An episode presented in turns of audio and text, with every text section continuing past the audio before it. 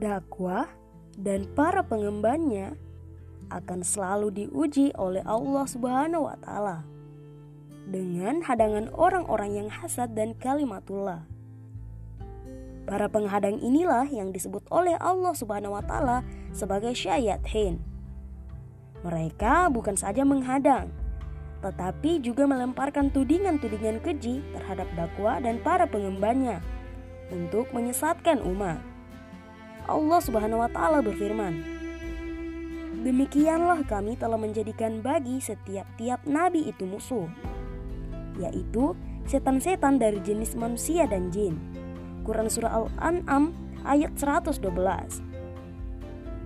Imam Jarir At-Tabari dalam tafsirnya mengatakan bahwa ujian yang disebutkan Allah Subhanahu wa taala dalam ayat ini tidak hanya menimpa Rasulullah wasallam tetap juga berlaku bagi orang-orang yang mengikuti beliau dalam dakwah.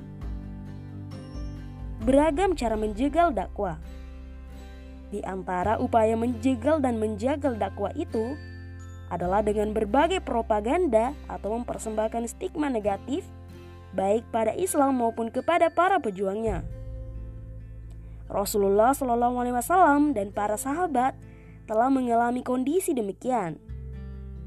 Bahkan Rasulullah Shallallahu Alaihi Wasallam yang mulia pernah disebut sebagai orang gila.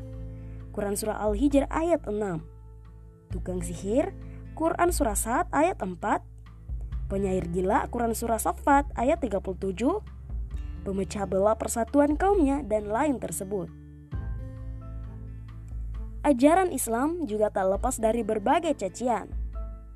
Al-Quran misalnya disebut sebagai ayat-ayat sihir, Quran Surah Al-Mudatsir ayat 24. Kumpulan dongeng Quran Surah Al-Mutafifin ayat 13 juga dituding sebagai karya orang ajam atau non-Arab, bukan kalamullah.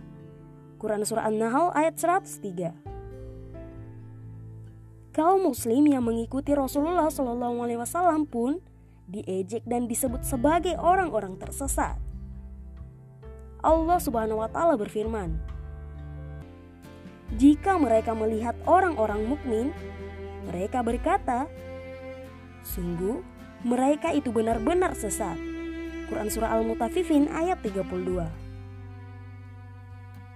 Para tokoh musyrik Quraisy seperti Abu Jahal, Abu Lahab, dan Walid bin Mukhira bekerja keras siang malam untuk menjegal dakwah Rasulullah SAW.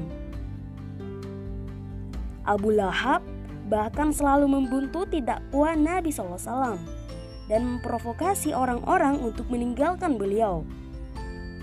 Abu Lahab menyebut hadis Nabi sebagai sihir, memecah belah keluarga dan kabilah, serta menghina agama nenek moyang mereka. Para penentang dakwah ini pun melakukan pengujian secara fisik kepada Rasulullah dan kaum muslim. Mereka mengembargo kegiatan sosial dan ekonomi Nabi SAW dan para sahabat beliau. Mereka pun mengucilkan Nabi dan para sahabat beliau ke lembah Tandu selama tiga tahun. Sebagian sahabat, terutama yang duafa, ditangkap, disiksa, dan bahkan ada yang dibunuh. Yasir dan Sumaya adalah pasangan suami istri yang menjadi syuhada pertama dalam perjuangan dakwah. Rasulullah SAW pun tak lepas dari penyerangan secara fisik. Abu Lahab dan istrinya pernah menaburkan duri-duri di depan rumah Nabi Shallallahu Alaihi Wasallam. Abu Lahab pernah menaburkan isi perut di atas kepala beliau. Abu Lahab bahkan pernah mencekik dan hampir membunuh beliau. Kaum kafir Quraisy juga tersedia para pemudanya untuk mengepung rumah Nabi SAW. Mereka siap membunuh beliau. Namun demikian, Allah Subhanahu wa taala menyelamatkan beliau hingga beliau bisa hijrah ke Madinah. Inilah tantangan dakwah kini. Tantangan para pengemban dakwah hari ini pun tak berbeda dengan apa yang pernah dialami oleh Rasulullah Wasallam dan para sahabat. Berbagai upaya untuk dilakukan dan membungkam dakwah, antara lain dengan cara pertama, mengkriminalisasi para dai tuduhan sebagai kaum radikal. Mengancam kebinekaan, membawa ajaran yang tidak sesuai budaya lokal dan lain-lain. Tujuannya adalah agar mereka dijauhi oleh masyarakat. Yang kedua, menangkap para pegiat dakwah juga mulai dilakukan. Sejumlah aktivis dakwah dibui dengan tuduhan melakukan ujaran kebencian dan menyebarkan hoaks di media sosial. Sebaliknya, berbagai akun medsos dan terang-terangan menghina tokoh-tokoh Islam, menyerang ormas Islam, juga menghina ajaran Islam. Pengunjung kami menentang keputusan tersebut. Ketiga, mengkriminalisasi ajaran Islam, terutama syariah dan khilafah. Para penentang dakwah melakukan framing terhadap dakwah, penegakan syariah dan khilafah sebagai ancaman terorisme. Mantan Ketua BNPT Ansyad Mbai dalam persidangan PT UN tentang pembubaran HTI memframing berpendapatan bahwa dakwah menyatakan khilafah adalah radikal dan menjadi benih-benih kejahatan.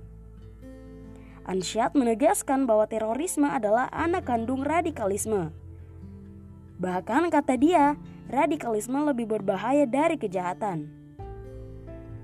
Seorang teroris akan dimotivasi oleh ideologinya yang radikal dan mengatasnamakan agama, katanya.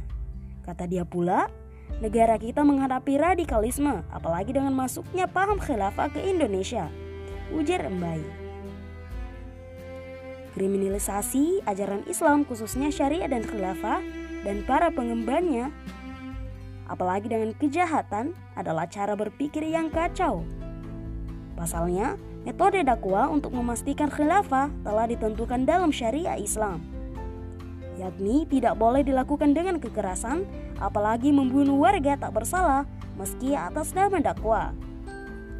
Bahkan Allah Subhanahu wa taala berfirman, Siapa saja yang membunuh seseorang bukan karena orang itu membunuh orang lain, atau bukan karena dia membuat kerusakan di muka bumi, maka seolah-olah akan dia telah membunuh seluruh manusia. Quran Surah Al-Maidah ayat 32 Dakwah pasti mendatangkan berkah. Karena Islam adalah agama yang menebarkan kebaikan dan berkah bagi masyarakat. Setiap muslim wajib mengimani bahwa keberkahan hidup dunia dan akhirat hanya bisa diraih dengan mengamalkan dan menerapkan hukum-hukum Allah Subhanahu wa taala. Bukan hukum-hukum buatan manusia. Islam datang untuk mengeluarkan manusia dari keterpurukan hidup menuju keberkahan dan rahmat Allah Subhanahu wa taala. Quran surah Al-Hadid ayat 9. Quran surah Al-Anbiya ayat 107. Karena itu, mendakwahkan Islam termasuk di dalamnya syariah dan khilafah pasti bakal berkah dan rahmat Allah taala. Gambaran penerapan Islam termasuk di dalamnya syariah dan khilafah yang berkah dan rahmat Allah taala bisa dilihat dari kepemimpinan Rasulullah wasallam dan khulafaur rasyidin. Dua masa inilah yang seharusnya dijadikan pedoman oleh kaum muslim dalam melihat realita kehidupan Islam yang sebenarnya bukan praktik keliru yang terjadi di banyak negeri kaum muslim. Apalagi yang diperagakan oleh ISIS, Nabi SAW telah didoakan. Wajib atas kalian berpegang pada sunnahku dan sunnah khulafar rasyidin yang mendapatkan petunjuk. Gigitlah ia dengan gigi geraham. Hadis riwayat Ibnu Majah. Syariah dan khilafah memperlakukan semua warganya, pria maupun wanita, miskin dan kaya, muslim, non-muslim, sama di hadapan syariah Islam. Kalangan non-muslim juga berhak mendapatkan pelayanan khilafah sebagaimana kaum muslim. Di ruang pengadilan mereka, duduk sama rendah dan berdiri sama tinggi dengan kaum muslim. Mereka sama-sama dengan hukum yang juga sama. Terjagalah harta, jiwa dan kehormatan mereka. Karena itu, tak ada alasan takut pada syariah dan khilafah apalagi menuding keduanya sebagai pemicu kejahatan. Maka haram menjegal dakwah. meninggalkan dakwah adalah kerugian besar bagi seorang muslim. Pasalnya, Rasulullah Shallallahu Alaihi Wasallam telah didoakan. Kalian sungguh-sungguh memuji kemakrufan dan mencegah yang munkar, atau Allah benar-benar akan memberikan kekuasaan kepada orang-orang buruk di antara kalian. Lalu, orang-orang baik di antara kalian berdoa, tidak dikabulkan oleh Allah. Hadis riwayat Ibnu Hibban. Berdasarkan hadis di atas, meninggalkan dakwah jelas haram. Apalagi menjegal dakwah jelas haram pula. Menjegal dakwah sama artinya menahan negeri ini keluar dari penderitaannya dan dengan kesengsaraan bagi seluruh rakyat. Ini merupakan dosa besar di sisi Allah Subhanahu wa taala. Sebagaimana firman-Nya, Sungguh, orang-orang yang menimpakan fitnah kepada kaum mukmin laki-laki dan perempuan Kemudian mereka tidak menerapkan, maka bagi mereka azab jahanam dan bagi mereka azab atau neraka yang membakar. Quran Surah Al-Buruj ayat 10 Menjegal dakwah sama artinya membiarkan kemungkaran terus merajalela. Manakala kemungkaran merajalela itu artinya pintu bencana terbuka bagi semua orang, termasuk orang-orang solih. Dalam hal ini, Ummu Salama, istri Nabi SAW pernah bertutur. Saya pernah mendengar Rasulullah SAW berdoa. Jika ragam kemaksiatan di tengah umatku telah nyata, Allah pasti akan menimpa azabnya kepada mereka secara merata. Aku atau Ummu Salama bertanya, Wahai Rasulullah, di tengah mereka itu ada orang-orang yang soli? Beliau menjawab, benar hadis riwayat Ahmad. Maka hikmah yang bisa kita ambil yaitu dari firman Allah. Sungguh, orang-orang kafir menafkahkan harta mereka untuk menahan manusia dari jalan Allah.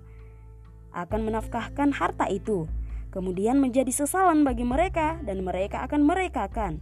Ke dalam jahanamlah orang-orang kafir itu dikumpulkan. Quran Surah Al-Anfal ayat 36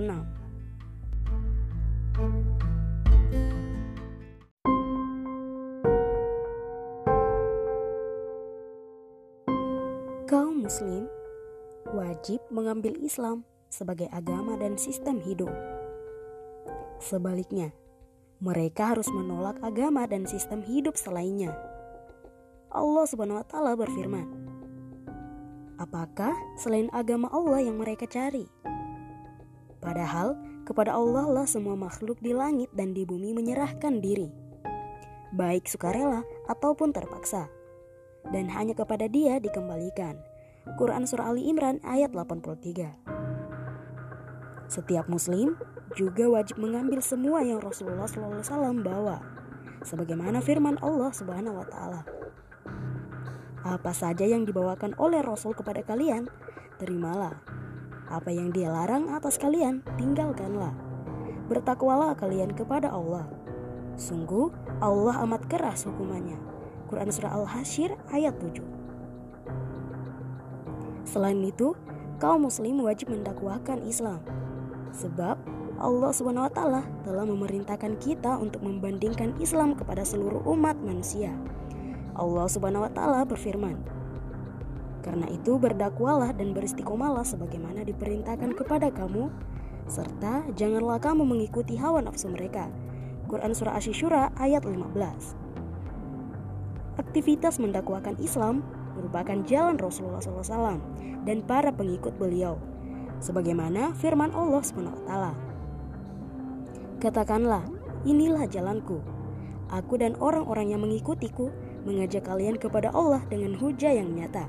Quran Surah Yusuf ayat 108 Allah SWT pun menyifati aktivitas mendakwahkan Islam sebagai baik-baik ucapan apa yang lebih baik daripadanya daripada orang yang menyuruh manusia kepada Allah Quran Surah Fusilat ayat 33 Jadi jelas dan tegas mendakwakan Islam merupakan aktivitas mulia berdasarkan pernyataan langsung dari Allah yang maha mulia Tentu yang merupakan mendakwakan Islam secara keseluruhan meliputi akidah dan syariahnya substansi dan formalitasnya, spiritual dan politiknya Kaum muslim wajib merujuk pada semua hukum Allah taala dalam menyelesaikan segala masalah mereka. Allah taala berfirman, "Demi Tuhanmu, mereka percaya hingga menjadikan kamu hakim atas perkara apa saja yang mereka perselisihkan." Kemudian, mereka tidak merasa dalam hati mereka mengatakan sesuatu tentang keputusan atas yang kamu berikan dan mereka menerima sepenuhnya.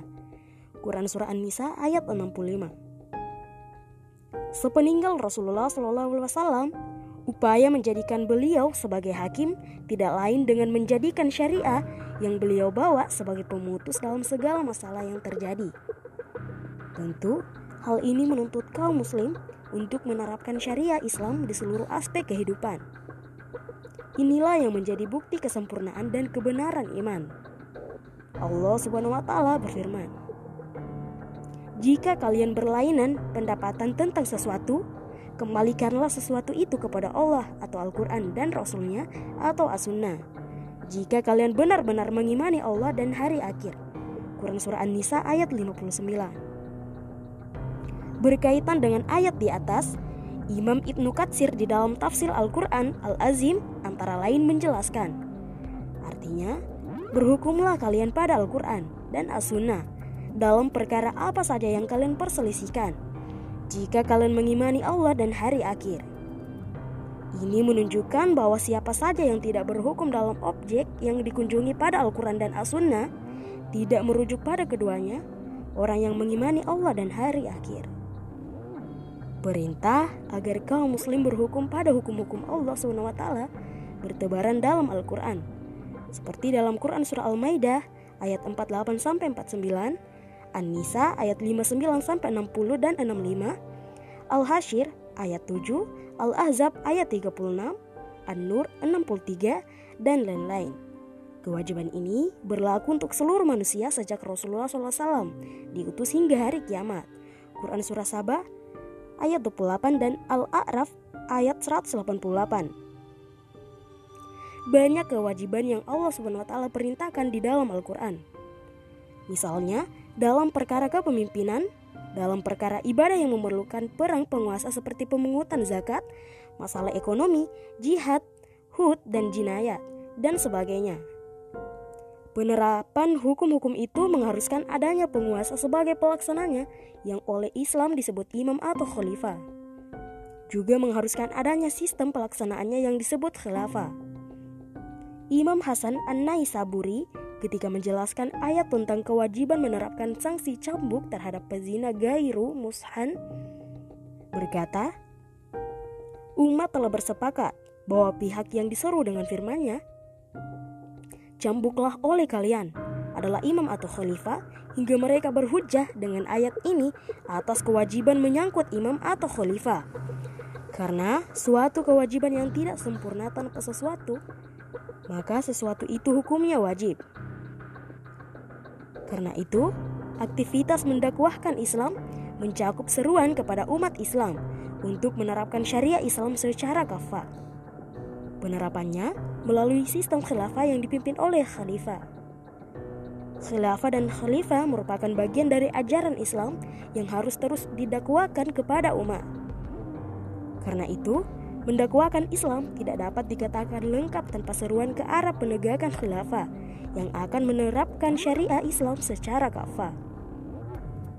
Penerapan syariah secara kafah tentu akan bermanfaat dan berkah. Lihat di Quran Surah Al-Hadid ayat 9, Quran Surah Al-Anbiya ayat 107. Tegasnya, keberkahan hidup di dunia dan akhirat hanya bisa diraih dengan mengamalkan dan menerapkan secara total hukum-hukum Allah taala atau syariah Islam, bukan hukum-hukum buatan manusia. Karena itu, dakwah Islam termasuk di dalamnya mendakwakan syariah dan khilafah. Pasti bakal berkah dari Allah Subhanahu wa taala. Apalagi seperti itu pada hakikatnya adalah upaya nyata mewujudkan keberhasilan dan ketakwaan penduduk negeri yang menjadi prasyarat pintu-pintu kebahagiaan dari langit dan bumi. Dibukakan oleh Allah Subhanahu wa taala. Quran surah Al-A'raf ayat 96. Jika dakwah rahmat dan keberkahan, meninggalkan dakwah merupakan kerugian besar bagi seorang muslim. Pasalnya, Rasulullah Shallallahu Alaihi Wasallam telah didoakan. Kalian sungguh-sungguh berdoa kemakrufan dan mencegah kemungkaran, atau Allah benar-benar akan memberikan kekuasaan kepada orang-orang buruk di antara kalian. Lalu, orang-orang baik di antara kalian berdoa, tetapi doa mereka tidak Allah kabulkan. Hadis riwayat Ibnu Hibban. Berdasarkan hadis di atas, meninggalkan dakwah jelas haram. Jika meninggalkan saja haram, menahan, menahan dan menjagal dakwah tentu lebih diharamkan lagi. Menjegal dakwah Islam termasuk dakwah syariah dan khilafah sama artinya menahan negeri ini dan rakyatnya keluar dari berbagai masalah akibat eksploitasi dan kerusakan sistem kapitalisme. Sebab Islam dan syariahnya termasuk khilafah datang untuk melihat manusia dari penghambaan kepada sesama manusia dan kezaliman selain sistem Islam menuju penghambaan hanya kepada Allah Subhanahu wa taala dan menuju keadilan Islam menjegal dakwah yang di dalamnya ada amar makruf nahi munkar akan membuat kemungkaran terus merajalela. Itu artinya pintu bencana terbuka bagi semua orang, termasuk orang-orang soli. Dalam hal ini, Rasulullah SAW berdoa, jika ragam kemaksiatan di tengah umatku telah nyata, Allah pasti akan menimpakan azabnya kepada mereka secara merata. Hadis riwayat Ahmad. Karena itu, Wajar jika sikap menahan dakwah, yakni menahan manusia dari jalan Allah Subhanahu wa taala, dinyatakan sebagai sifat dan karakter setan. Quran surah Az-Zukhruf ayat 37. Berlaku orang-orang musyrik dan kafir, Quran surah Al-Araf ayat 45. Orang yang angkuh lagi sombong, Quran surah Al-Anfal ayat 47 serta sikap orang-orang yang lebih mencintai dunia daripada akhirat dan berada dalam kesesatan yang jauh. Quran Surah Ibrahim ayat 3 Sikap menahan dakwah dan memusuhi para pengembannya juga merupakan sikap orang-orang munafik. Quran Surah An-Nisa ayat 61 Jika saat ini ada pihak-pihak yang berusaha menahan dan menjegal dakwah Islam, syariah dan khilafah, maka semestinya mereka belajar dari sejarah.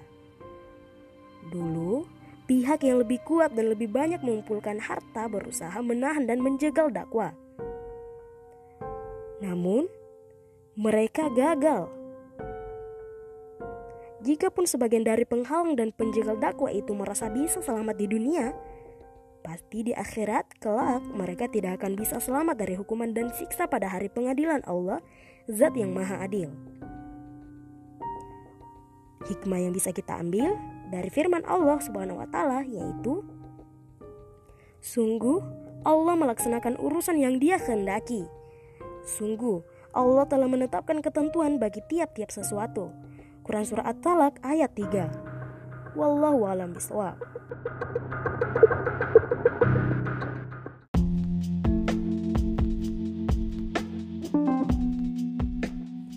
Ada tiga ideologi yang berkembang di dunia ini yakni Islam, komunisme dan sosialisme, kapitalisme dan liberalisme. Ketiganya mencerminkan pertarungan antara kebenaran atau al-haq dan kebatilan atau al-batil. Ketiganya tegak di atas asas atau akidah yang bertentangan satu sama lain. Islam tegak di atas asas akidah Islam. Akidah Islam tegak di atas penentu keberadaan Allah Subhanahu wa taala dan keesaannya. Dialah Al-Khaliq yang azali. Akidah Islam menuntut pemeluknya untuk mengesahkan Allah Subhanahu wa taala sebagai satu-satunya zat yang wajib disembah dan diibadahi. Kapitalisme dan liberalisme tegak di atas as akidah sekularisme atau pemisahan agama dari kehidupan. Sekularisme mengakui keberadaan Tuhan atau agama, namun menolak peran Tuhan atau agama dalam mengatur kehidupan. Dengan kata lain, agama diakui sebagai sebuah keyakinan, ritualitas, dan moralitas belaka. Pandangan demikian juga berlaku untuk Islam. Dalam arti, oleh kaum sekular, Islam pun diperlakukan sama dengan agama-agama lain. Batas sebagai sebuah keyakinan, ritualitas, dan moralitas belaka. Bukan sebagai sebuah ideologi yang memiliki seperangkat aturan kehidupan. Adapun komunisme dan sosialisme tegak di atas asas materialisme atau ateisme. Dalam praktiknya, komunisme bukan hanya mengakui keberadaan Tuhan atau agama, tetapi bahkan anti Tuhan atau anti agama. Dalam pandangan orang-orang komunis, agama adalah candu atau minuman keras. Spiritual yang tidak layak mempengaruhi dan memperdaya manusia. Jelas, pandangan materialisme atau ateisme, demikian fitrah dan akal manusia. Sungguh aneh, ateisme atau ketidakyakinan pada keberadaan Tuhan bisa ada dalam benak orang-orang yang berakal. Padahal binatang, tumbuhan dan segala sesuatu yang ada di langit dan di bumi pun hakikatnya bertuhan. Semuanya bahkan bertasbih sujud dan tunduk pada ketentuan Allah Subhanahu wa taala, Sang Pencipta. Allah Subhanahu wa taala berfirman, Tidakkah kamu tahu bahwa kepada Allah lah bersujud siapa saja yang ada di langit dan di bumi, juga matahari, bulan, bintang, gunung, pepohonan, binatang-binatang, melata dan sebagian besar manusia. Quran Surah Al-Hajj ayat 18 Allah taala juga berfirman, Langit yang tujuh, bumi dan semua yang ada di dalamnya bertasbih kepada Allah. Tak ada suatu hal pun bertasbih dengan memuji Dia. Tetapi kalian tidak mengerti tasbih mereka. Sungguh Dia Maha Penyantun lagi Maha Pengampun. Quran Surah Al-Isra ayat 44 jika semua mengakui keberadaan Allah taala, bahkan bertasbih, tunduk dan sujud kepadanya, tentu aneh jika ada manusia yang ateis atau tidak ada keberadaannya. Apalagi secara fitrah setiap manusia memiliki goriza tadayun atau secara naluria atau religiusitas. Keberadaan ini dibuktikan dengan kecenderungan setiap manusia untuk menyucikan dan mensakralkan sesuatu atau zat yang dianggap memiliki dan kekuatan luar biasa yang mempengaruhi dan mengendalikan dirinya. Apalagi setiap manusia dikaruniai akal untuk berpikir. Siapa pun yang menggunakan akalnya pasti akan sampai pada kesimpulan bahwa seluruh jagat raya ini, termasuk manusia, dengan segala kesempurnaannya, kemungkinan tidak ada penciptanya. Pencipta semua yang ada tidak lain adalah Allah Subhanahu wa taala, zat yang wajib al-wujud atau azali. Alhasil, mengingkari keberadaan Tuhan atau ateisme yang dipraktikkan oleh orang-orang komunis bertentangan dengan fitrah dan akal manusia. Allah Subhanahu wa taala menilai sikap ateis sebagai kesesatan, bahkan lebih sesat dari binatang ternak. Allah Subhanahu wa taala berfirman, "Mereka memiliki kalbu atau akal, tetapi tidak digunakan untuk memahami ayat-ayat Allah. Mereka memiliki mata, tetapi tidak digunakan untuk melihat tanda-tanda kekuasaan Allah. Mereka memiliki telinga, tetapi tidak digunakan untuk mendengar ayat-ayat Allah." Mereka bagaikan binatang ternak, bahkan mereka lebih sesat lagi. Mereka itulah orang-orang yang lalai. Quran Surah Al-Araf ayat 179 Ateisme jelas merupakan produk dari sikap manusia yang tidak mau menggunakan akal, mata dan telinga untuk memahami, melihat dan mendengar ayat-ayat atau tanda-tanda kekuasaan Allah Subhanahu wa taala. Sikap ini sangat buruk Sikap ini sesat, bahkan lebih sesat dari binatang ternak. Karena itu, buruk dan sesatnya ideologi kapitalisme dan liberalisme sebagaimana dipraktikkan saat ini atau termasuk di negeri ini. Ideologi komunisme yang dibangun di atas ateisme juga buruk dan menyesatkan. Kedua ideologi ini sama-sama berbahaya bagi kehidupan manusia. Yang menolak peran Tuhan atau agama dalam mengatur kehidupan. Satunya lagi, menolak keberadaan Tuhan atau agama sama sekali yang mendorong kebencian terhadap agama dan para pemeluknya. Termasuk Islam dan kaum muslim yang ingin menjalani hidup dan mengatur kehidupan berdasarkan ketentuan Islam. Imam mengharuskan kepatuhan akan keberadaan Allah SWT saja sudah cukup jika tidak disertai dengan kepatuhan dan ketundukan pada semua hukum dan ketentuannya. Dengan kata lain, semoga Allah Subhanahu wa taala mewajibkan keterikatan dengan seluruh syariahnya dan sebaliknya meninggalkan semua aturan selainnya. Apakah mereka mencari agama selain agama Allah? Padahal kepada Allah lah semua makhluk yang di langit dan di bumi menyerahkan diri, baik dengan suka ataupun terpaksa, dan hanya kepada Dia mereka dikembalikan. Quran Surah Ali Imran ayat 83 Tegasnya, bersedia menuntut kepatuhan dan keterikatan pada semua yang dibawa oleh Rasul SAW dan semua hal yang beliau larang. Quran Surah Al-Hashir ayat 7 Keimanan mewajibkan untuk hanya berhukum dengan hukum-hukum Allah Subhanahu wa taala dalam menyelesaikan segala masalah di masyarakat. Quran Surah An-Nisa ayat 65 Iman mengharuskan pembelaan terhadap dakwah mewajibkan kepatuhan total kepada Allah Subhanahu wa taala dengan selalu menggunakan syariahnya yaitu cara pun meniscayakan dakwah, yakni mengajak umat manusia untuk masuk Islam tanpa paksaan.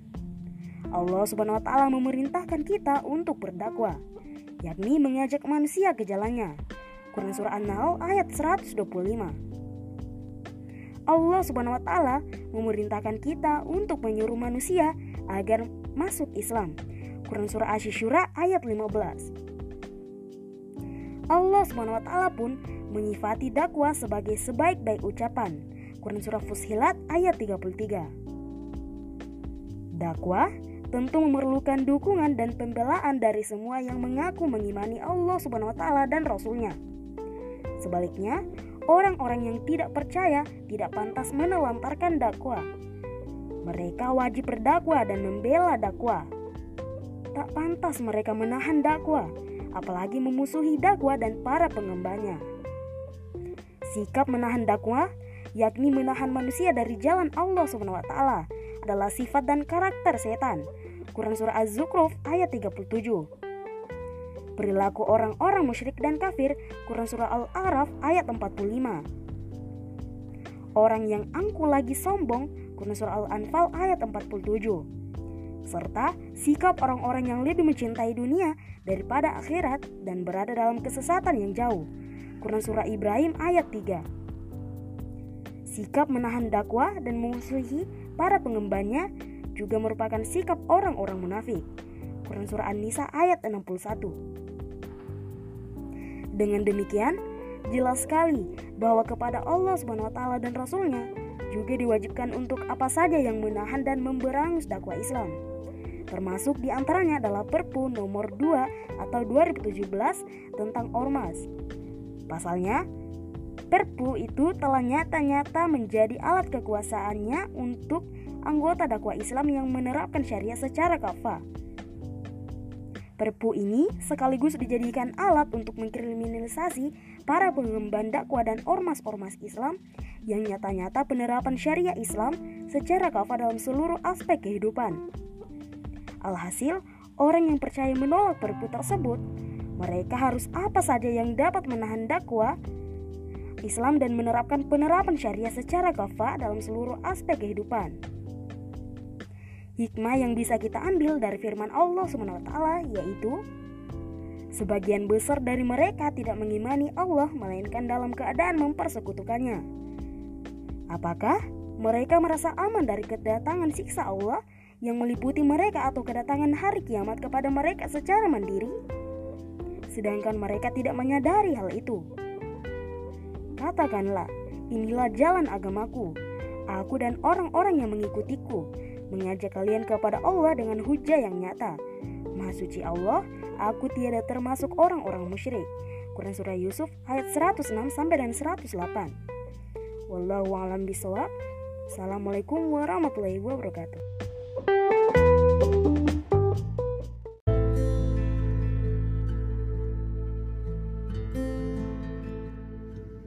Sejarah manusia tidak pernah kosong dari pertarungan antara kebenaran dan kebatilan. Para penyuruh yang bermanfaat mendapat tantangan dan halangan dari penyuruh kebatan, serta dari orang-orang yang suka melakukan perbuatan dan mencari manfaat pragmatis. Hidup untuk mencari wi dan hawa semata. Demikian yang dialami oleh seluruh nabi sekaligus menjadi sunnatullah bagi dakwah mereka. Al-Quran telah menceritakan kepada kita tentang bagaimana dakwah yang dilakukan oleh Nabi Musa alaihissalam yang mendapatkan tentangan keras dari Firaun. Demikian juga kisah para nabi yang lain. Mereka mendapatkan perlawanan dan serangan ketika menyampaikan risalah Allah Subhanahu wa taala kepada umat. Begitupun Rasulullah Shallallahu alaihi wasallam sejak awal dakwah Islam beliau sudah mendapat tantangan yang demikian keras dari masyarakat Quraisy. Dakwah Rasul Sallallahu Alaihi dan para sahabatnya mendapatkan perlawanan. Berbagai harapan yang ditimpakan kepada Rasul Sallallahu Alaihi dan para sahabat beliau. Keluarga Yasir radhiyallahu anhu disiksa dengan siksaan yang sangat pedih.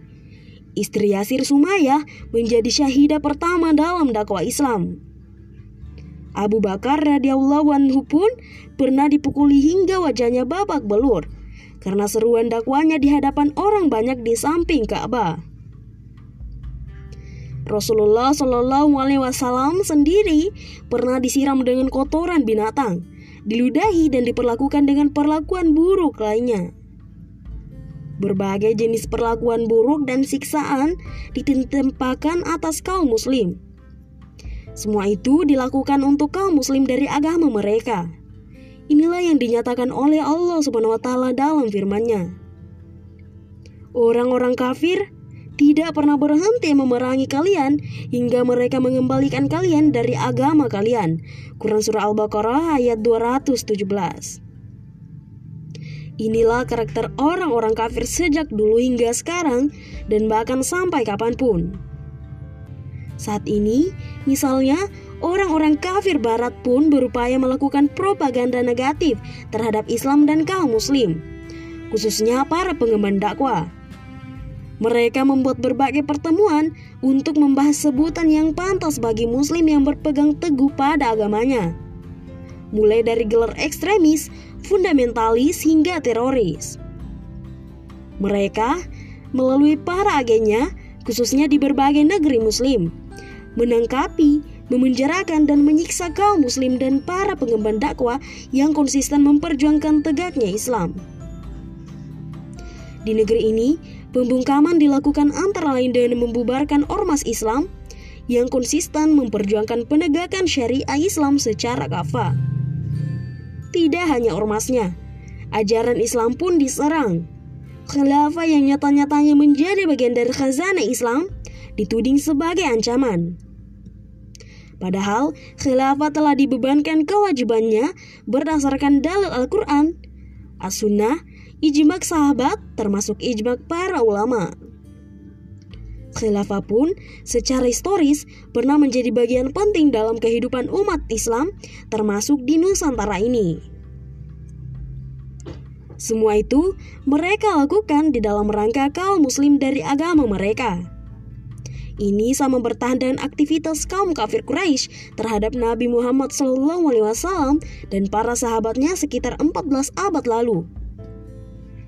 Namun demikian, semua bentuk tayangan dan perlawanan itu tidak membuat kaum muslim goyah dan terpalingkan dari semangat dan dakwah mereka. Semua itu tidak berpengaruh bagi kaum muslim. Bahkan selamat dan dakwah mereka semakin bertambah kuat. Insya Allah. Sikap kaum muslim memiliki modal yang luar biasa untuk menghadapi semua tantangan dan halangan dakwah Islam, yaitu modal kemenangan. Mereka mengimani tujuan keberadaan mereka di dunia adalah untuk beribadah kepada Allah Subhanahu wa taala. Quran surah Az-Zariyat ayat 56. Mengimani Allah membenarkan dengan pasti bahwa tidak ada yang patut disembah. Tidak ada pembuat hukum yang layak ditaati. Tidak ada yang harus ditakuti dan tidak ada yang selalu dirindukan keridaannya selain Allah Subhanahu wa taala mereka kepada Allah Subhanahu wa taala dan azabnya pedih, mengalahkan dan sangat mereka kepada manusia dan siksaan mereka. Kenikmatan yang akan mereka peroleh kelak di akhirat yang lebih mereka cintai dan yang mereka harapkan daripada kenikmatan yang akan diberikan oleh para pembesar kekufuran kaum muslim harus tetap melaksanakan dakwah sebagaimana Rasulullah Shallallahu Alaihi Wasallam dan para sahabat, meskipun mereka banyak menghadapi berbagai rintangan, ancaman dan tantangan dalam berdakwah. Pasalnya, dakwah merupakan sebaik-baik kutipan dan seruan. Allah Subhanahu wa taala berfirman, ada ucapan yang lebih baik dari ucapan orang yang menyuruh manusia kepada agama. Allah dan beramal salih serta berkata, Aku termasuk orang yang berserah diri. Quran Surah Fusilat ayat 33 Meskipun demikian, Rasul SAW dan para sahabat mengalami penderitaan yang luar biasa. Mereka hanya diharuskan oleh Allah taala untuk bertahan dan tetap berpegang teguh pada syariatnya. Diriwayatkan bahwa karena penderitaan yang luar biasa yang mereka alami, akibat berbagai macam siksaan dan penderitaan orang-orang kafir. Mereka bertanya-tanya, kapan pertolongan Allah akan datang? Allah SWT lalu menurunkannya. Apakah kalian mengira akan masuk surga? Padahal belum datang atas kalian cobaan seperti halnya orang-orang terdahulu sebelum kalian. Ditimpa oleh malapetaka dan kesengsaraan, serta diguncangkan atau dengan berbagai macam cobaan sehingga berkatalah Rasul dan orang-orang yang percaya bersama dia. Kapankah datang pertolongan Allah? Ingatlah, sesungguhnya pertolongan Allah itu amat dekat. Quran Surah Al-Baqarah ayat 214. Karena itu, yang merupakan tantangan dari para pengemban dakwah menghadapi semua tantangan, gangguan dan ancaman dalam dakwah adalah Rasul Shallallahu Alaihi Wasallam dan para sahabat beliau. Mereka selalu yakin dengan pertolongan Allah SWT sehingga mereka selalu berkata, Cukuplah Allah menjadi penolong kami dan sebaik-baik pelindung. Surah Ali Imran ayat 173. Selain meneguhkan tawakal kepada Allah SWT, jika pengorbanan pun harus ditingkatkan. Sikap pengorbanan dalam melakukan dakwah, amar ma'ruf nahi munkar serta dalam usaha Islam. Terdapat banyak hadis dari Rasulullah SAW. Beliau antara lain mengatakan, Pemimpin para syuhada adalah Hamzah bin Abdul Muthalib dan seorang laki-laki yang berdiri di hadapan penguasa yang zalim.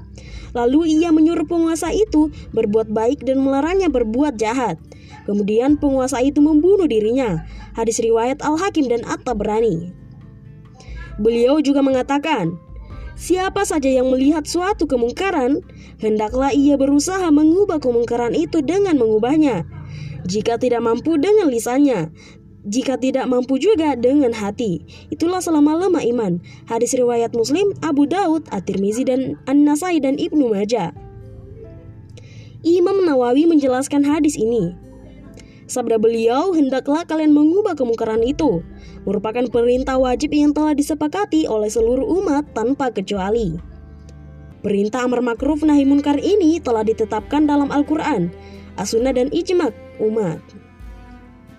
Dalam sebuah hadis Qudsi, Rasulullah Shallallahu Alaihi Wasallam juga mengatakan, Allah Subhanahu Wa Taala pada hari kiamat akan bertanya kepada orang yang tidak berani mengungkapkan kebenaran. Apakah yang membuat kamu tidak mau mengucapkan kebenaran terhadap keadaan ini dan itu?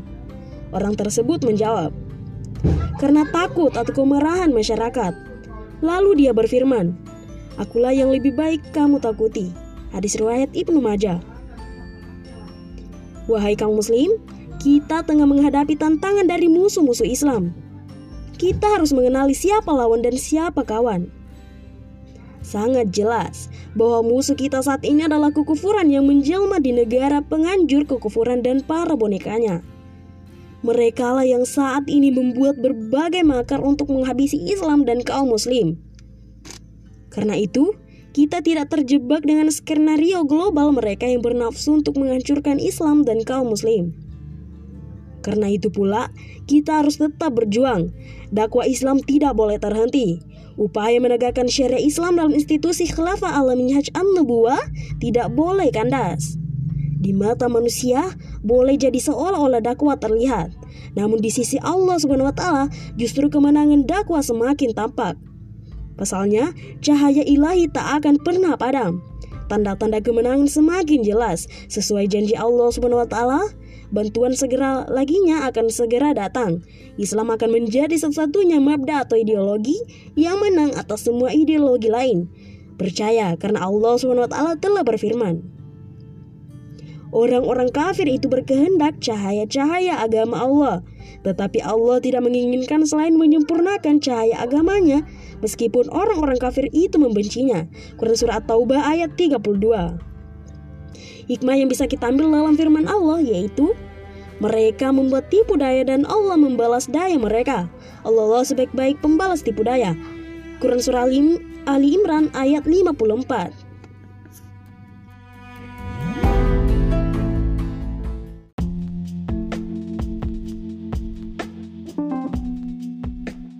Mencintai Rasulullah Shallallahu Alaihi Wasallam hukumnya wajib atas setiap Muslim. Bahkan cinta seorang Muslim kepada Rasulullah harus berada di atas cinta kepada yang lain selain Allah Subhanahu Wa Taala.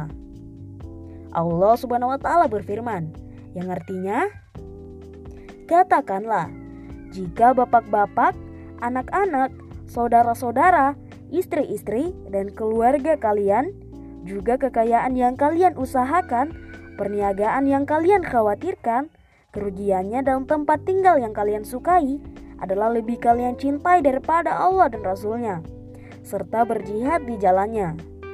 Maka, tunggulah sampai Allah mendatangkan keputusan atau azabnya. Allah tidak memberikan petunjuk kepada kaum yang fasik. Quran Surah At-Taubah ayat 24 Berkaitan dengan ayat di atas, Sayyidina Umar bin Al-Khattab pernah berkata kepada Rasulullah, Duhai Rasulullah, sungguh engkau lebih aku cintai daripada segala sesuatu selain diriku sendiri. Rasulullah berkata, Tidak, demi jiwaku yang berada dalam genggamannya, sampai aku lebih dicintai daripada dirimu sendiri. Umar bin Al-Khattab lalu kembali berkata, kalau begitu, sungguh demi Allah, sekarang engkau lebih aku cintai daripada diriku sendiri. Kemudian Rasulullah SAW berkomentar, Sekarang benar, wahai Umar. Hadis riwayat Al-Bukhari. Nabi SAW pun bersabda, Tidak sempurna iman seseorang sampai aku lebih ia cintai daripada anaknya, kedua orang tuanya dan manusia seluruhnya. Hadis riwayat Muslim. Para sahabat senantiasa berlomba-lomba menunjukkan cinta mereka kepada Rasulullah. Mereka biasa mendahulukan Rasulullah di atas segala urusan mereka. Pernah ketika berdakwah pertama kali di Masjid Al-Haram, Abu Bakar As-Siddiq mengalami penganiayaan berat. Kabilahnya yakni Bani Taim lalu datang menolong dirinya yang pingsan. Setelah siuman, kalimat pertama yang diucapkan Abu Bakar adalah, "Bagaimana keadaan Rasulullah?" Orang-orang Bani Taim lalu mencaci dan meninggalkan Abu Bakar. Abu Sufyan pernah mendatangi rumah putrinya, Ummu Habibah, yang sudah menjadi istri Rasulullah. Dia datang setelah pengkhianatan sekutu kaum musyrik Quraisy terhadap perjanjian Hudaibiyah. Tujuannya untuk berunding lagi dengan Nabi namun, ketika akan duduk di atas alas tidur Nabi, Ummu Habibah segera menarik alas itu. Abu Sufyan terkejut dan menanyakan sikap putrinya itu. Ummu Habibah berkata, "Ini adalah alas tidur Rasulullah, sedangkan engkau adalah laki musyrik yang najis. Aku tidak suka engkau duduk di atas alas tidur milik Nabi." Kecintaan kepada Nabi SAW juga ditunjukkan oleh Saat. Saat itu berkata, "Ya Allah, engkau tahu bahwa tidak ada seorang pun yang lebih aku sukai untuk diperangi karenamu daripada suatu kaum yang mendustakan Rasulmu dan mengusir beliau. Cinta hakiki kepada Nabi SAW tentu bukan sekadar ucapan di lisan.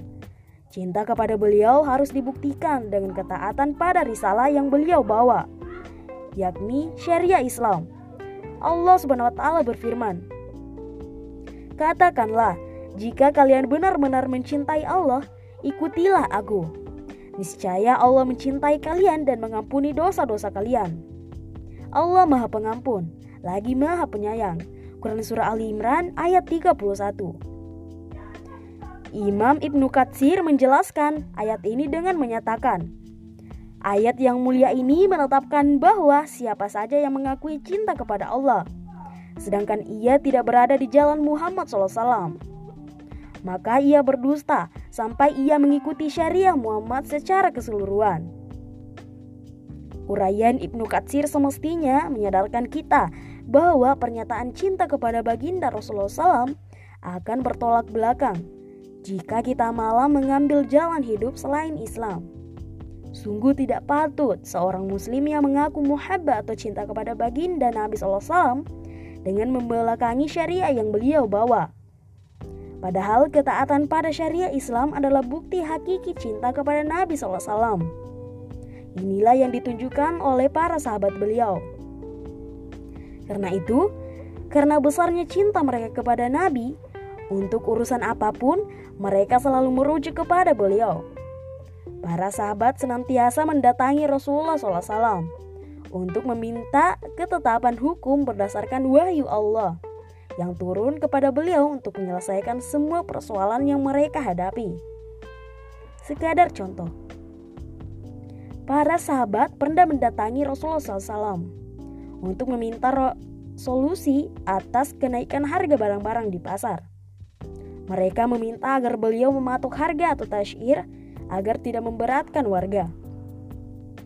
Namun demikian beliau menolak karena ketetapan harga harus berdasarkan ketentuan pasar secara alamiah atas kehendak Allah taala. Contoh lain, ketika Allah taala menurunkan ayat yang mengharamkan riba, semua sahabat segera meninggalkan riba. Para sahabat yang diangkat menjadi gubernur atau pejabat negara juga hanya memperlakukan ketentuan dari Al-Quran dan As-Sunnah. Pada saat Nabi SAW mengangkat Mu'ad bin Jabal sebagai gubernur Yaman, misalnya, beliau bertanya kepada Muaz, Bagaimana engkau memutuskan perkara jika muncul persoalan di hadapanmu, Muaz? Muaz menjawab, Aku memutuskan dengan kitabullah. Beliau bertanya lagi, Bagaimana jika kamu tidak menjumpai ketetapannya dalam kitabullah? Muaz menjawab, Aku akan memutuskan dengan sunnah Rasul. Beliau kembali bertanya, "Jika tidak juga kamu ketemui ketetapannya dalam sunnah Rasulullah?" Muaz kembali menjawab, "Aku akan menggunakan pikiranku untuk beristihad dan aku tak akan berlaku sia-sia." Rasulullah SAW pun memuji Muaz dengan berkata, Segala pujian milik Allah yang telah memberikan taufik kepada utusan Rasulullah sebagian diridai oleh Rasulullah. Hadis riwayat Abu Daud. Inilah tanda kecintaan yang hakiki kepada Rasulullah SAW, yakni memutuskan perkara hanya dengan apa yang telah ditetapkan oleh kitabullah dan sunnah Rasulullah. Haram menentang syariah Islam. Menyimpang dari ajaran Islam, apalagi sampai menentang syariah Islam yang nyata-nyatanya dibawa oleh Rasulullah SAW, adalah tindakan haram dan tentu membuktikan ketidakcintaan kepada beliau. Allah Subhanahu wa taala berfirman, Siapa saja yang mendurhakai Allah dan Rasulnya serta melanggar ketentuan-ketentuannya, niscaya Allah memasukkan dirinya ke dalam api neraka dan dia kekal di dalamnya. Bagi dia siksaan yang menghinakan. Quran Surah An-Nisa ayat 14 Sayang, kenyataannya sekarang jangankan bicara syariah Islam, simbol-simbol Islam pun dijauhi bahkan dimusuhi. Aroya dan Aliwa misalnya yang merupakan bendera Rasulullah SAW sempat dilarang, disita dan dituding sebagai simbol terorisme. Ucapan takbir belakangan juga dituding sebagai simbol terorisme dan kejahatan. Pada saat yang sama, khilafah meski hanya sekedar diwacanakan dan didakwakan terus dimonterisasi dan dikriminalisasi dengan tuduhan anti Pancasila, NKRI, dan UUD 1945. Padahal, khilafah adalah ajaran Islam yang wajib diterapkan. Khilafah adalah institusi satu-satunya yang akan menerapkan syariah Islam secara kafah. Menerapkan syariah Islam secara kafah tentu merupakan bukti hakiki cinta kita kepada Nabi SAW. Apalagi khilafah adalah sistem pemerintahan Islam, warisan beliau yang akan memelihara urusan kaum muslim sepeninggal beliau. Beliau mengingatkan, Dulu, Bani Israel diurus oleh para nabi. Setiap kali seorang nabi wafat, dia akan digantikan oleh nabi yang lain. Sungguh tidak ada nabi setelah aku. Yang akan ada adalah para khalifah sehingga jumlah mereka banyak. Hadis riwayat Muslim. Jika Rasulullah SAW telah memberikan tuntunan yang jelas, tetapi kemudian kita mengambil jalan yang lain, masih pantaskah kita mengklaim cinta kepada Rasulullah atau justru mengkhianati beliau? Allah Subhanahu wa taala berfirman, Siapa saja yang menentang Rasul sesudah jelas kebenaran bagi dirinya, lalu dia mengikuti jalan yang bukan jalan kaum mukmin, niscaya kami membiarkan dia leluasa terhadap kesesatan yang telah dia kuasai itu dan kami memasukkan dia ke dalam jahanam. Jahanam itu seburuk-buruk tempat kembali. Quran Surah An-Nisa ayat 115. Hikmah yang bisa kita ambil yaitu dari hadis Rasulullah. Anas menuturkan bahwa seseorang pernah berkata, Wahai Rasulullah SAW, kapan hari kiamat? Rasulullah SAW balik bertanya, apa yang telah engkau siapkan untuk menghadapi hari kiamat? Orang itu menjawab, saya tidak menyiapkan untuk menghadapi hari kiamat berupa banyaknya ibadah sholat, saum ataupun sedekah, selain besarnya cinta saya kepada Allah dan Rasulnya. Rasulullah SAW lalu bersabda, kalau begitu, engkau akan bersama-sama dengan yang engkau cintai. Hadis riwayat Abu Daud dan Ahmad.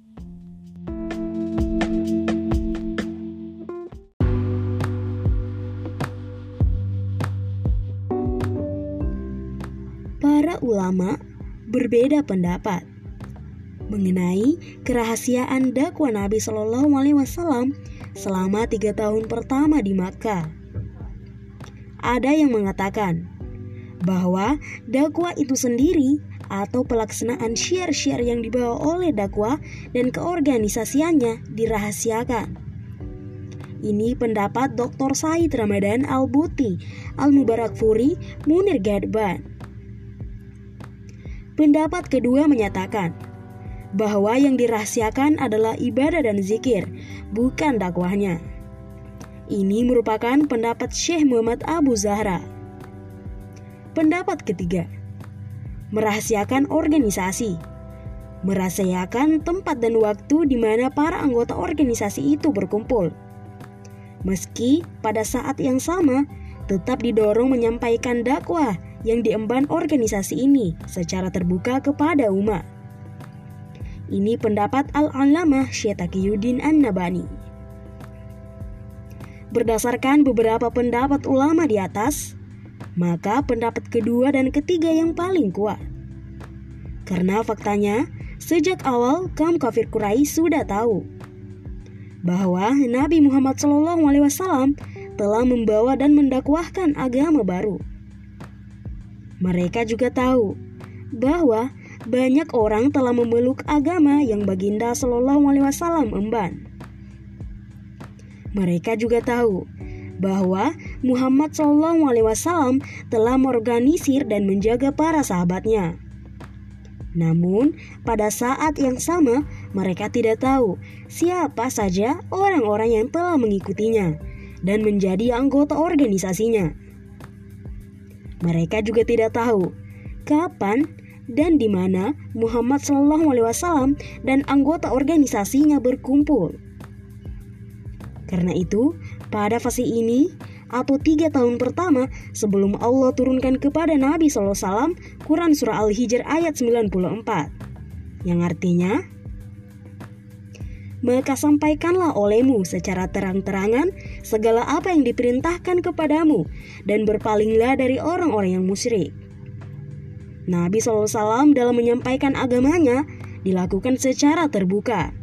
Sejak Allah ditahkan untuk mengemban urusan dakwah ini.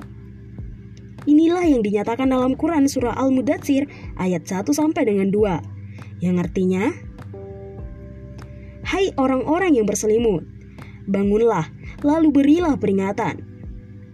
Menurut Jabir, inilah ayat yang diturunkan pertama kali dalam konteks kerasulan, hadis riwayat Bukhari. Dalam kitab Hasyiyatu Al-Jamal ala Al-Jalalain disebutkan, bahwa lima surat yang turun pertama kali di Mekah pada fase ini yaitu Al-Alaq, Al-Qalam, Al-Muzammil, Ad-Muldasir, dan Al-Lahab. Membuktikan kesimpulan di atas bahwa dakwah Nabi SAW sejak awal sudah terbuka dan tidak sembunyi-sembunyi. Karena itu yang disembunyikan bukan dakwahnya, melainkan organisasinya anggota organisasi, tempat, dan waktu pertemuannya. Ini diperkuat dengan fakta bahwa sejak awal Nabi Shallallahu Alaihi Wasallam dan para sahabat telah berkumpul di rumah Al Arqam bin Abi Al Arqam, di mana tempat tersebut tidak jauh dari Dar An Nadwah. Tetapi orang-orang kafir Quraisy tidak tahu kalau di tempat itulah Nabi SAW dan para sahabat berkumpul. Ini diperkuat dengan riwayat lain. Ketika Ali bin Abi Thalib menunjukkan tempat tersebut kepada orang yang baru masuk Islam. Ia memberi isyarat dengan membawa gelas berisi air. Jika beliau menumpahkan gelas yang berisi air tersebut, berarti kondisi tidak aman, sehingga tidak boleh diteruskan. Dengan kata lain, ada perubahan skenario atau rencana dari rencana A ke rencana B. Riwayat ini dan riwayat-riwayat lain membuktikan bahwa yang disembunyikan oleh Nabi Shallallahu Alaihi Wasallam dan para sahabat bukan ajaran dan dakwahnya, melainkan organisasinya, termasuk orang-orangnya, tempat, dan waktunya mengenai identitas orang-orang tertentu yang diekspos atau tidak dalam konteks ini bergantung kepada pribadinya masing-masing. Sebagai contoh, sebelum Umar bin Al-Khattab masuk Islam, beberapa sahabat yang berasal dari kabilahnya sudah lebih dahulu masuk Islam. Tetapi Umar tidak tahu kalau mereka sudah masuk Islam. Sebut saja Nu'im bin Abdullah An-Naham dari Bani Adi. Bahkan Sa'id bin Zaid dan Fatimah bin Al-Khattab, adik sepupu dan adiknya Umar sendiri, Hubab bin Al-Ard juga Sa'ad bin Abi Waqqas. Sebaliknya, sebelum Umar bin Al-Khattab masuk Islam, Abu Bakar As-Siddiq sudah memeluk Islam. Sejak memeluk Islam, ia pun tidak pernah menyembunyikan keislamannya. Bahkan melalui Abu Bakar, banyak sahabat yang telah berhasil diislamkan.